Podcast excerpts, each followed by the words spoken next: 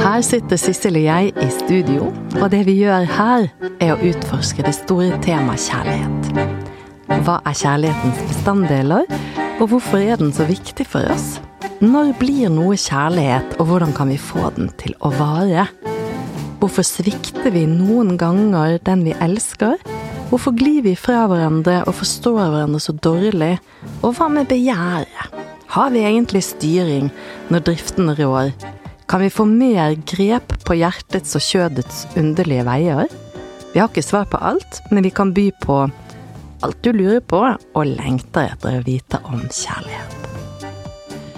I noen episoder framover skal vi snakke om begjær. Dette vidunderlige og samtidig skremmende noe i oss som dessverre altså kan trumfe både fornuft og personlige verdier. Men vi starter ikke med det erotiske begjæret. Vi starter liksom litt større, Katrin. Skal vi prøve det? Mm, absolutt. Så la oss først liksom prøve å brette ut begjæret til en stor vifte, da, på en måte. Og knytte det til noe mer enn sex, for det er ofte det vi altså, forbinder begjær med, ikke sant. Altså at vi kan prøve å normalisere det litt nå i utgangspunktet, altså eller gjøre det litt større. Altså, for Begjær kan jo forstås som en positiv besettelse, rett og slett. Altså som ja, vågetrang, for eksempel. Eller et sånn et sterkt vilje, intens vilje om å ville noe. Altså villetrang, rett og slett. At det er en drift eller kraft i mennesket som en slags indre motor som får liksom Skal vi si som får sin eh, sats liksom fra dette begjæret, det som finnes i oss, denne driften som finnes i oss. Iboende, rett og slett, altså. Mm. Og vi ser det jo, og vi kan jo ta eh, ta barnet som eksempel. Sant? At eh, vi ser hvordan barnet har en sånn begjær etter viten, eller vitebegjærlighet, en nysgjerrighet som er helt voldsom, sant? som er helt nødvendig også. En, en sånn utviklings- og utforskertrang. Eh, helt fra, fra krabbing til ut i verden og se, til, til barnets dette Ja, men hvorfor det? Hva da? Hva er det? Hvorfor sånn? Hvordan det? Det stopper ikke, på en måte. Alle som er barn kjenner igjen den der eh, intense spørringen til tider. Eh, og det er jo biologisk forankret, dette dette begjæret. Vi kan kalle det begjær, vi tenker det. Vi kan kalle det det, sant. Eh, og vi ser det på, på de, på de bitte, bitte små, hvor lang tid de eksempel bruker på, eller gidder bruke på, med, med å streve og ta og putte smokken inn i munnen selv. Sant? Hvor de holder på og bare skjønner, eller har en eller annen sånn kreft eller sånn til å, til å gidde å fortsette til å få det til. Dette skal jeg greie, liksom. Eller lære seg å gå opp igjen. Ja, de, de, har ikke kognitiv kapasitet til å vite at de kan klare dette, men de vet inni seg at dette skal jeg få til. Så det er ikke noe sånn ytre motivasjon som, som driver de. Ingen som pusher. Det kommer innenfra. Mm. Det er noe veldig lystsøkende i det, rett og slett, altså.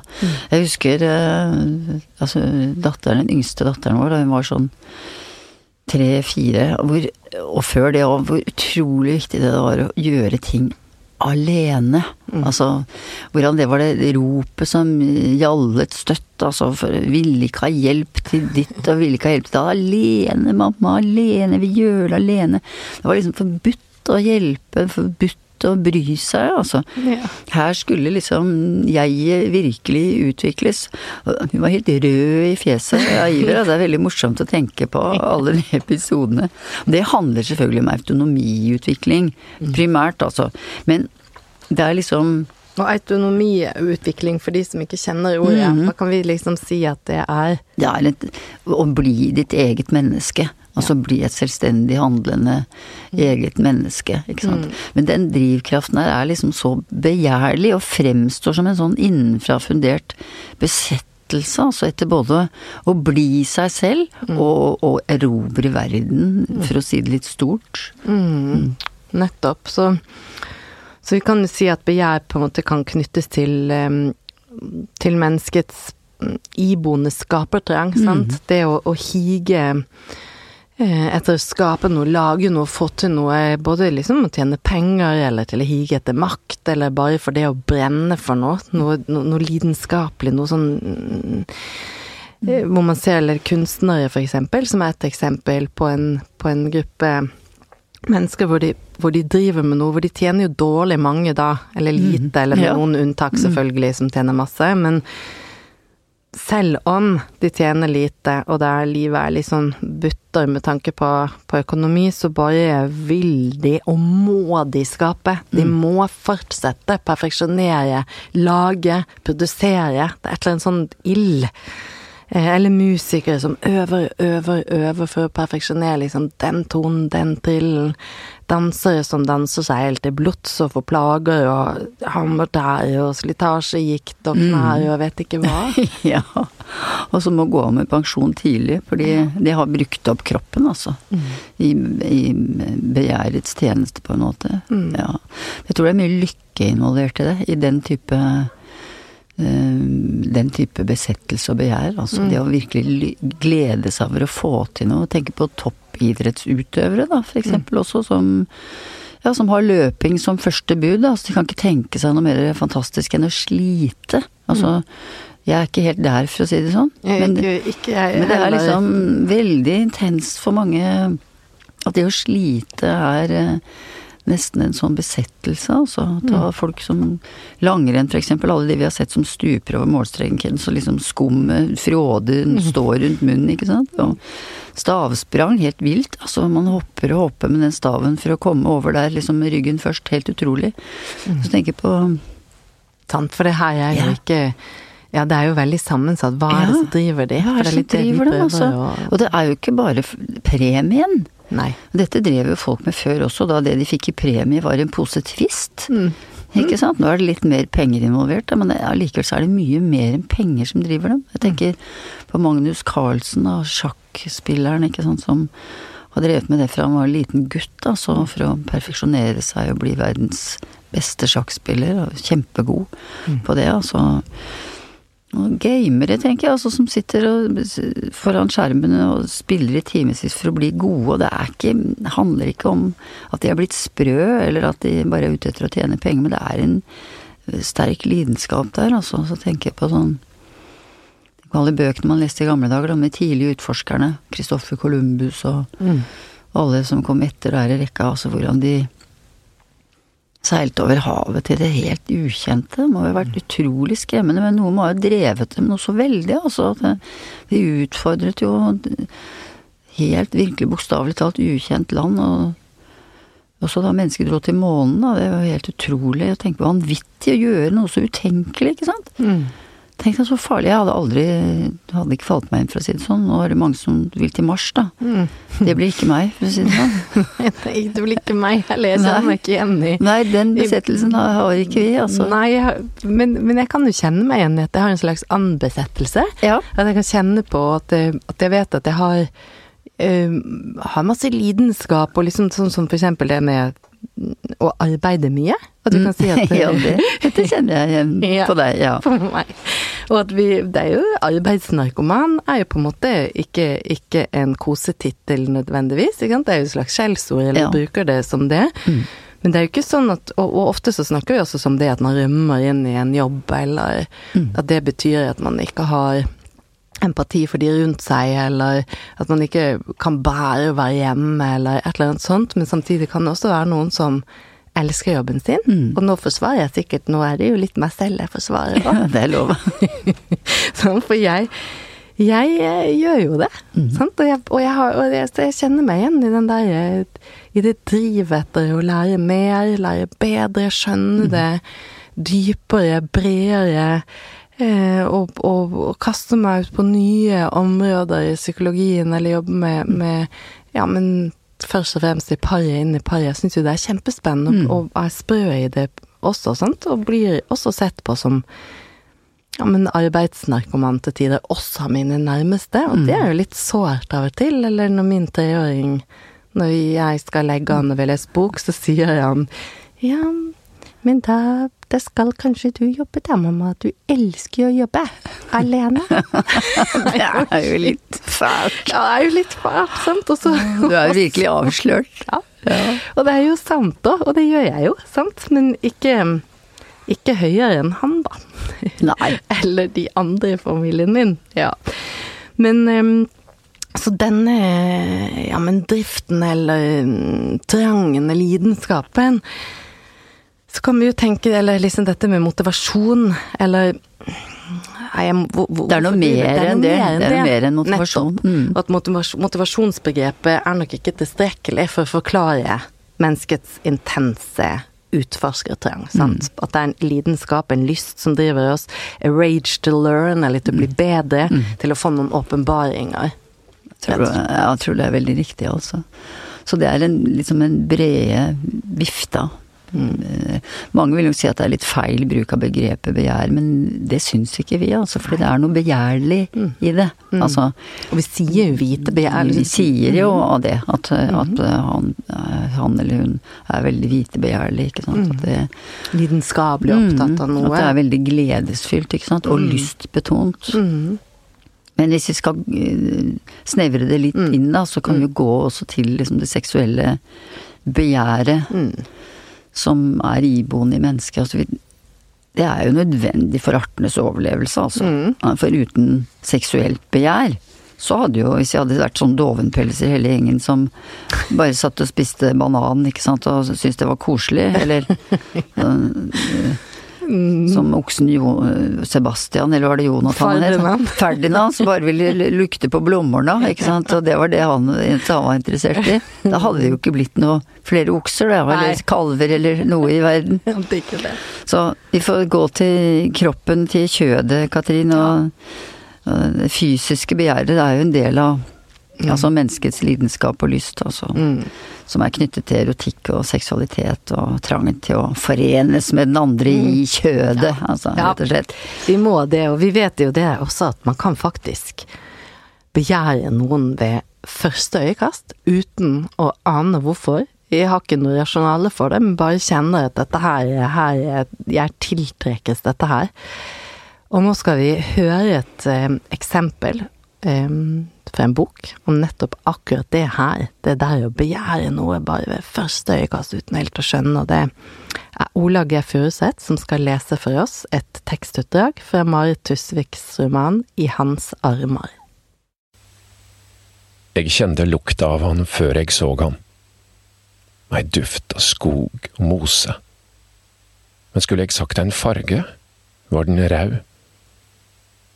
Så kom han inn døra han helste på folk, klemte deg, tok deg i handa, stoppa og veksla nokre ord, før han ålte seg videre.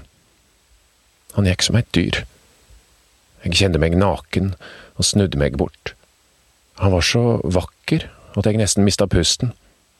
En høgreist, slentrende slank mann. Gråstenk i det mørke håret. Bukser av god kvalitet med malingsflekker.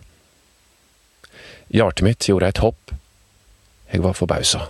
Jeg hadde nettopp slått opp med kjæresten, og flytta inn i min egen første leilighet. Jeg kjenner meg fri, jeg ville være fri, men synet av han gjorde meg oppspilt og glad. Hvorfor skjer slik når det passer minst? Passer det noen gang? Det er bare slik som skjer. Det er naturen. Men like fort som vi sier naturen, så handler det ikke om oss sjøl, for naturen handler om naturen sjøl. Jeg syntes det. Og dette var noe annet. Det var større og høyere.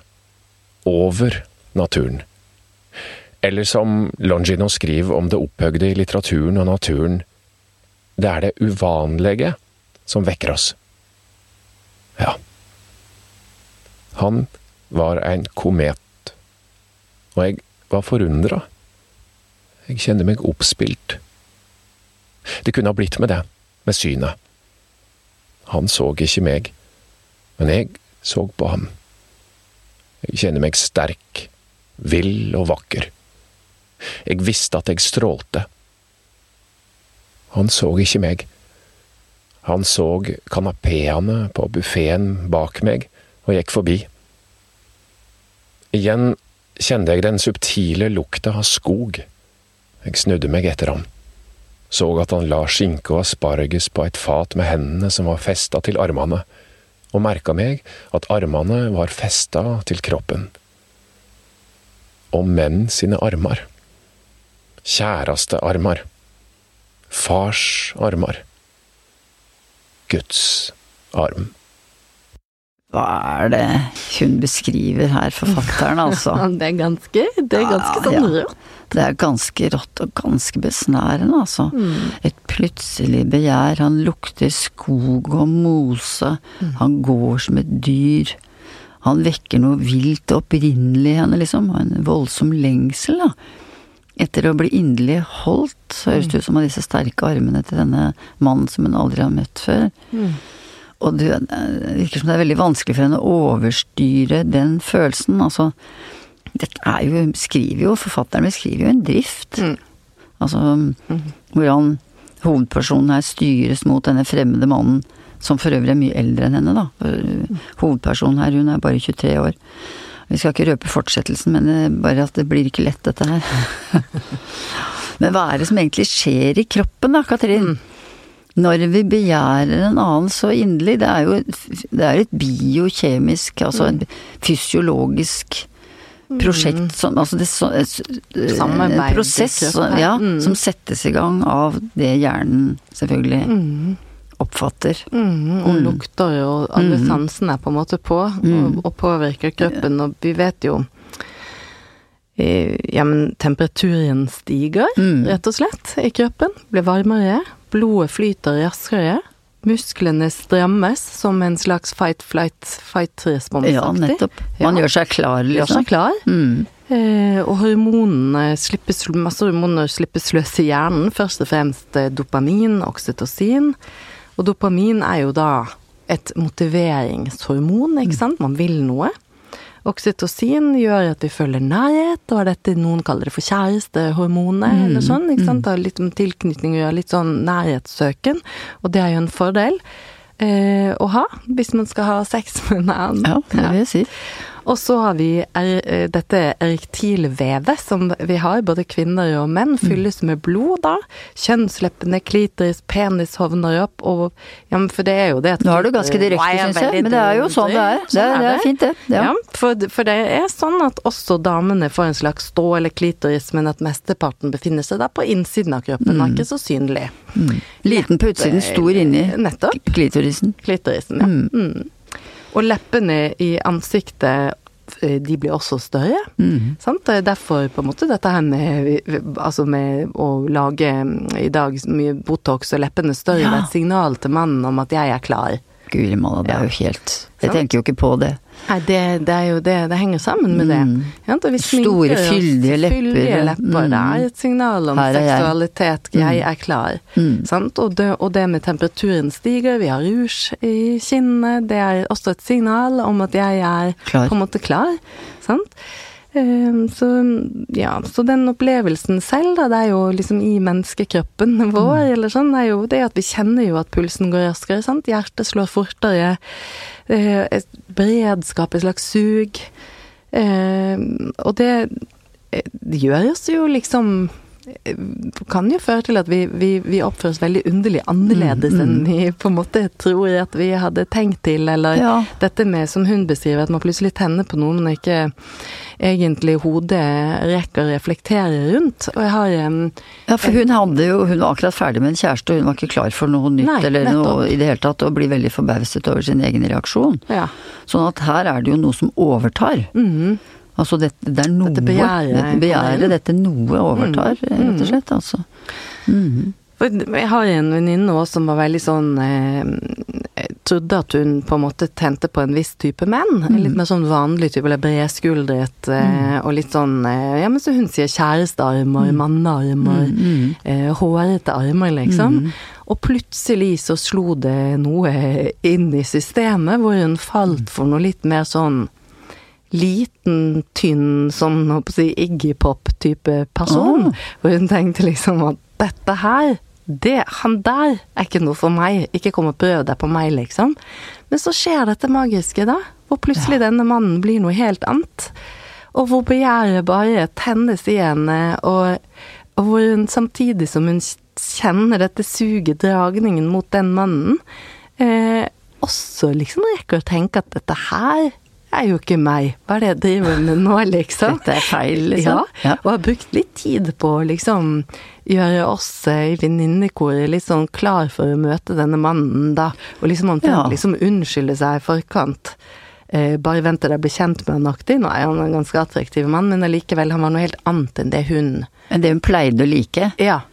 Og hvor det liksom mm. Han var jo Det er jo vanskelig å si hva er på en måte begjærets flamme, eller hva er forelskelsens mm. flamme, og det er litt de samme på en måte hormoncocktailene er litt sånn lignende, men mm. nå snakker jo vi om begjæret, mm. og det var jo noe av det som slo henne nå, at hun intellektuelt også kunne skjønne sin mm. fascinasjon for mannen, men at hun ikke trodde kroppen hennes ville godta kroppen Nei, hans, på en riktig. måte. Men helt sånn, det er veldig interessant. Det er jo litt sånn, hvis du tenker på den samtalen vi hadde med biolog Jens, vet du. Ja, tidligere episode, tidligere episode så sier han at uh, denne mannen må da kanskje ha greid å sende ut et eller annet signal, vise seg frem på en måte, mm. som tar litt innersvingen på hennes, uh, mm. på hennes system. Mm. At plutselig så fremstår han som attraktiv. Mm for henne. Mm. Mens også hodet hennes sier nei, han er ikke noe interessant for meg, mens kroppen hennes sier han er interessant for meg. Mm. Så den, der er det en interessant match, altså. Veldig. Og det er som Jens også sa mm. da, som er veldig interessant, at uh, vi overstyres noen ganger av begjæret. Mm. Vi, vi, rår ikke alltid med det, altså. Nei. Så det er det som har skjedd med henne, da. Mm, og det syns jo venninnekoret, da. Seg at det var festlig. Litt festlig. litt, nå var vi et veldig snilt venninnekor som ja. bejaet dette, ja. da. Sånn som gjorde det på en måte enklere for henne òg. Mm. Ja. Eh, for, for, man kan jo forestille seg at hun kunne vært i en vanskeligere venninnegjeng som nettopp ville um, Protestert på det, kanskje? Ja, og sagt at ja, men bare vent til begjæret liksom legger seg, så er ikke han noe for deg. Men det var han, altså. Det kan ikke vi se at det begjæret har lagt seg. Det har ikke lagt seg, nei. Så det kan nei. bli noe mer enn en det vi kan kalle et korttidsforhold. Ja, dette her altså, er ikke bli. Det er, et, det er blitt det er et langtidsforhold. Ja. Så det, det begjæret hun opplevde som kunne, som ofte skjer da når vi ser for oss en sånn korttidspartner, som også Jens biolog var veldig opptatt av, det er her flyttet over på en langtidspartner, altså. Ja, helt mm. klart. Så hun er mm. veldig mm, like godt når vi snakker om, som du og jeg har snakket en del om det der, at man kan på en måte utvide sin egen opplevelse, eller man blir selvutvider i møte med noe nytt. Og at hun Nettopp. legger mye, eller kjenner seg veldig igjen i det der. Ja, akkurat. At hun har åpnet opp for en ny erfaring i livet sitt, og mm sammen med en type mann som hun ikke hadde tenkt at hun ville kunne komme til å falle for. Ja, det er virkelig interessant. Iggy Poppen. Iggy Pop-typen, ja. Er jo han ganske fancy, altså. ja.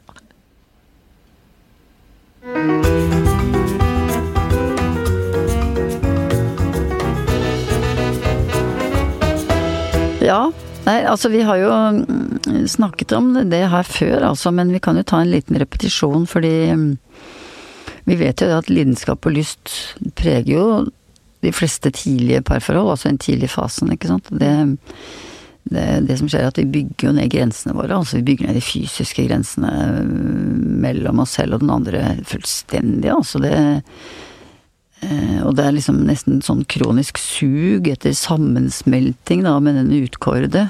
Om mm. det er en korttidspartner eller en langtidspartner, ja. Mm. Um, vi tennes veldig raskt altså når vi tenker på å handle henne, eller bare møter handle henne. Det er veldig euforisk. Og vi har jo tidligere beskrevet forelskelsen som, som et sånn slags big bang, mm. som Francesco Alberoni snakker om det i sine bøker, vi har jo nevnt han før. Det er en um, Verden blir liksom ny. Mm. Alt starter på nytt, på en måte. Mm. Og du blir ny. Altså, du blir eh, Du tåler liksom alt, og blir risikodrevet, altså på en måte som du aldri trodde at du kunne komme til å bli, kanskje. Og man kan bli ganske nådeløs, altså mot mm. f.eks. for eksempel en kjæreste man går fra. Mm, absolutt. Så mange er jo veldig redde for altså Man er jo redd for forelskelsen òg, fordi at folk mm. blir så gærne da, ikke sant, og gjør uh, nesten farlige ting fordi begjæret tar så ekstremt tak i dem. Altså det mm. Ja. Mm. Og det lystsenteret er liksom i full fyr. Og det, når det er full fyr, så belønnes vi også hele tiden. Og det den intensiteten der, den er jo ikke noe vi føler med hvem som helst. Også med kolleger Nei. eller venner eller venninner, og det er jo reservert for den du får denne begjærsfølelsen overfor, altså. Eller som mm, absolutt. Ja. Og det derre behovet for å rulle svett rundt i senga med denne personen dag ut og dag inn og uke etter uke, altså. Det er ikke noe du gjør med hvem som helst. Altså. Det er, og det kan vare lenge òg. Mm. Ja, det, det, er fantastisk at um, det er jo ingenting som må gjøres for på en måte å skru deg på eller være klar. Mm. Man er liksom det bare, det bare, skjer, lysten kommer av seg selv om igjen og om igjen og om igjen, og er liksom bare på. Hvis vi tenker sammenligne litt med disse som har vært sammen lenge, hvor det liksom man må mm. jobbe litt mer for det, sant. Så mm. det her er det, her er det Bare du tenker på den andre, så har man på en måte lyst på den andre. Begjæret ligger foran i pannebørskene hele veien, og man får, må jo liksom også tøyle seg litt, da, når man er så drevet av begjær, for å eh, rett og slett jobbe omvendt. Altså det å eh, oppføre seg sivilisert. Det er ikke alle steder hvor man kan liksom drive med begjæret sitt med den man er forelska i. Det, det, det, det, passer seg jo ikke. Selv om man kan tenke seg at eh, man får lyst til å dra med seg kjæresten inn i bøttekottet på jobben eller mm. kafeen eller kinoen eller hvor som helst. Ja. Da er det liksom trenger å ta litt hensyn til de andre rundt. Um, for det kan jo være vanskelig, da, å være på ferie med ja, men med tynne hyttevegger og kjærestens foreldre i rommet ved siden av, eksempel. Det har man opplevd. Absolutt, mm. sant. Og, og, eller det der um, å være borte fra hverandre i begynnelsen liksom kan være nærmest traumatisk, mm. traumatisk for, for, mm. noen, ikke sant. Og det er så smertefullt å være vekke fra kjæresten at man lengter hele tiden, sant. Og en noen, noen strever jo med, eller i hvert fall opplever liksom det der at man blir forskrekket hvis kjæresten har sex med seg selv, eller onanerer, mm. eller sånn, og at, at, at, man opplever en sånn sterk sånn der er jeg ikke nok for deg? Mm. At det nesten er som oppleves som en slags utroskap, sant, av mm. noen. Mm. Ja da, noen syns det er veldig vanskelig. Da avbryter vi oss selv, vi, for vi har en invitasjon å komme med. Vi skal rett og slett eh, invitere lytterne våre til eh, et loveshow. Ja. En live-event ja. med Kjærlighetspodden. Og den er jo da i samarbeid med også da Gift ved første blikk, dette programmet som jeg blant annet er med i på TV Norge. Ja. Så vi skal jo snakke litt om årets sesong. Det er jo et av de mest nervepirrende programmene jeg vet om. Vi skal også snakke mm, om liksom det der med inngangen til kjærligheten, og når noe oppstår, hvorfor det oppstår, eller hva er det liksom egentlig? Og så er det jo sånn at ikke alle parforhold på en måte holder for evig og alltid hele tiden. Og hva, hva er snubletrådene, hvor er, hvor, når blir det vanskelig? Det skal vi også snakke om. Det er riktig. Så eh, velkommen skal det være. Dette er altså på mandag 2. mars klokken syv. Stedet heter Skatten, ligger på Tøyen. Og hvis du vil komme, så må du inn på Facebook-sidene til Gift ved første blikk der ligger arrangementet, og det er gratis. Så her er det bare å kaste seg på, for vi vil jo at dere skal være der! Velkommen! Velkommen. Men det er jo sånn at begjær spiller jo virkelig på lag med evolusjonen, altså. Mm. Ja, fordi for mange de opplever sånn vilt sug etter å forplante seg, altså, med denne mm. personen. Det med altså det derre forplantningsbegjæret. Mm. Eh, kan være voldsomt sterkt, altså. Eh, og det er jo alle de såkalte kjærlighetsbarna, da, som, mm. som uh, fødes i kjølvannet av det tidlige ekstatiske vidunderlige forholdet, rett og slett. Ja, vi håper jo og, og tror jo også at begeistringen og, og denne her intensiteten alltid vil vare. Mm. Men så er jo det jo veldig sjelden. Jeg vet ikke, det, det går kanskje ikke heller, på en måte. Eller ikke at begjæret forsvinner, men at, det, men at det i hvert fall svekkes litt, da. At flammen mm. um, går litt ned på bluss og opp og ned, mm. på en eller annen måte. Men at, at den der um, besettelsen varer ikke i all evighet, og det Nei. skremmer jo mange, sant. Så at de da også Jeg lurer på om betyr det at er kjærligheten slutt? Og det kan den jo være òg, sant. Mm. Innimellom er det jo det. At det ikke bare er begjæret som på en måte svekkes, men hele tilknytningen og forholdet som sådan. At det mm. på en måte mm, var mm, en, et mer et korttidsforhold. Null mer lidenskap over ut. Eh, men hva når dette er et langtidsforhold, der mm, hengivenhetsfølelsen, tilknytningsopplevelsen og omsorgen er til stede, og når da begjæret dabber av? Og mange tolker jo det også som et faresignal, Ja. sant? Og tegn på at noe er helt feil. Og de får en eh, Kan få en sorgreaksjon eller fryktreaksjon, eller er det over, liksom? Mm, ja. Det er jo ting vi ofte hører om, da. Og par som snakker om det, og opplever det.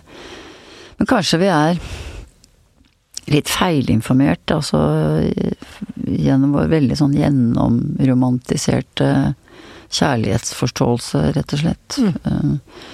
Fordi vi tenker jo det at hvis alt er bra med kjærligheten, med varmen og nærheten, så vil begjæret være et trofast vedheng, liksom. Og det er jo ikke sånn, vi vet jo det. Så vi har vel nå egentlig lyst til å normalisere det der. At det blir mindre begjær. Og mindre sex i veldig mange lengevarende forhold. Mm. Barn er avbegjærende, det vet vi. Mm. Eh, De tar kreftene og lysten fra veldig mange par, særlig fra småbarnsmødrene. Noe som er helt normalt. Altså, det er ikke merkelig. For det er veldig altoppslukende å være foreldre i perioder. Mm -hmm. Mm, vi har vel mm, lyst nå til å avhjelpe folk til, med skammen over det. Mm. Over det manglende begjæret, og normalisere det. Sant? Og at folk snakker jo ikke flest, Folk flest snakker ikke skikkelig om dette. Venner snakker ikke om det. Parene krangler om det. Mm. Sant? Det blir, det blir sexmas eller sexnekt. Mm. Eh, og ingen av partene ser til å på en måte mm, forstå at begjær ikke er noe vi kan tvinge oss selv til å føle. Sant? Vi kan ikke Mm, tvinge frem et begjær. Eh, og menn er jo ganske flinke til å begjære det de har. Altså hun som de lever sammen med, det skal de ha. Ja. Sant? Eh, og så lenge det blir sex innimellom, så er på en måte, hvis vi blir litt kategoriserende, men vi må snakke litt sånn at det er litt forskjell på kjønn, sant? Ja. Og at menn er, er ganske fornøyde, og der er jo menn er, er flinkere, på en måte, eller bedre stilt her enn enn kvinnen, for hennes begjær avtar ofte. Hun har Det er litt vanskeligere for kvinnen, kan, vi, si det, kan vi si det sånn? Det betyr det, for, det, for det betyr ikke at hun har blitt aseksuell, eller har mistet libidoen, sant? Og blitt um, Hva heter det når man er sånn f- Ikke fertil? Nei, hva heter det man sier Ja, Før så sa man hun var, eh, var Nei, Hva er det det ordet Nei, nei da, det, hun er frigid, sa vi før. Frigid, var Ja, det, da sånn. var det gikk til paret til legen, Ja. vet du, og fikk vite at konen var frigid. Ja. Men det som var problemet var at konen hun var ikke frigid, hun var bare ikke så, hadde ikke så veldig lyst på mannen sin lenger. Mm. Det var det det handlet om. Mm. Men det var jo ikke mulig å bytte ut han. Nei, men hvorfor er det sånn? Mm. Det er jo litt det. Hva er dette her? Først kan vi Hvorfor det dabber litt mer av hos kvinner. Ja. Mm. Mm, For det gjør det. Det gjør det. Ja. det vi, vi, vi har jo mange tanker om det, og før vi dykker litt inn i det, så kan vi jo i hvert fall Vi, vi skal høre litt på, litt på noe hva forfatter Agnes Ravatn sier om dette, i en jubileumsbok som da er skrevet til ære for Vigdis Hjort. Og det er Ola G. Furuseth som leser for oss. Når kvinner tror de har gått lei av sex, er saka at de er gått lei av å ha sex med den samme mannen om og om igjen. Det er ikke mannens libido som er så mye sterkere enn kvinnas, men kvinnas libido som blir øyelagt av vanen. Når et parforhold blir institusjonalisert og rollene avseksualisert, du blir mer og mer mor, ryddehjelp og svigerdatter, mindre og mindre kjærest og elskerinne, for eksempel, forstyrrer dette det kvinnelige begjæret. Sex innenfor disse rammene blir mindre og mindre interessant, til det til slutt er sidestilt med husarbeid, utført med ulyst. Men alt raknar dersom det ikke blir gjort, og en er til ei viss grad litt letta etterpå. Men sjøl om kvinner er monogamiens offer, avtar ikke lysta, og kvinner kryper sakte, men sikkert oppover på utruskapsstatistikkene. Lysta blir flytta ut av huset, over til for eksempel arbeidsplassen, der en stadig kan ha kjensle av å være seg sjøl, og ikke bare en tilfeldig person som rydder og kjefter på andre. Men sjøl om å få utløp for sitt uforløste begjær på neste jobbseminar kan verke fornuftig der og da, er det samtidig slik at mange av oss gjerne vil holde fast på våre monogame forhold. Det er praktisk, oversiktlig, og til og med ofte fundert på gjensidig og ektefølt kjærleik. En har ikke egentlig lyst til å være utru, eller å sette ekteskapet på spill. En tredjedel av kvinner som har et utenomekteskapelig forhold, oppgir at de har et lykkelig eller svært lykkelig ekteskap. Kvinner søker ikke variasjon eller noe nytt fordi de er ulykkelige, men fordi de trenger variasjon og noe nytt. Hvorfor det er slik, har ikke evolusjonspsykologene funnet et godt svar på ennå, siden de er menn. Hva skal en så gjøre? om en samtidig faktisk foretrekker monogamien, og kjenner på seg at en får ME bare ved tanken på åpne forhold eller swingersklubber.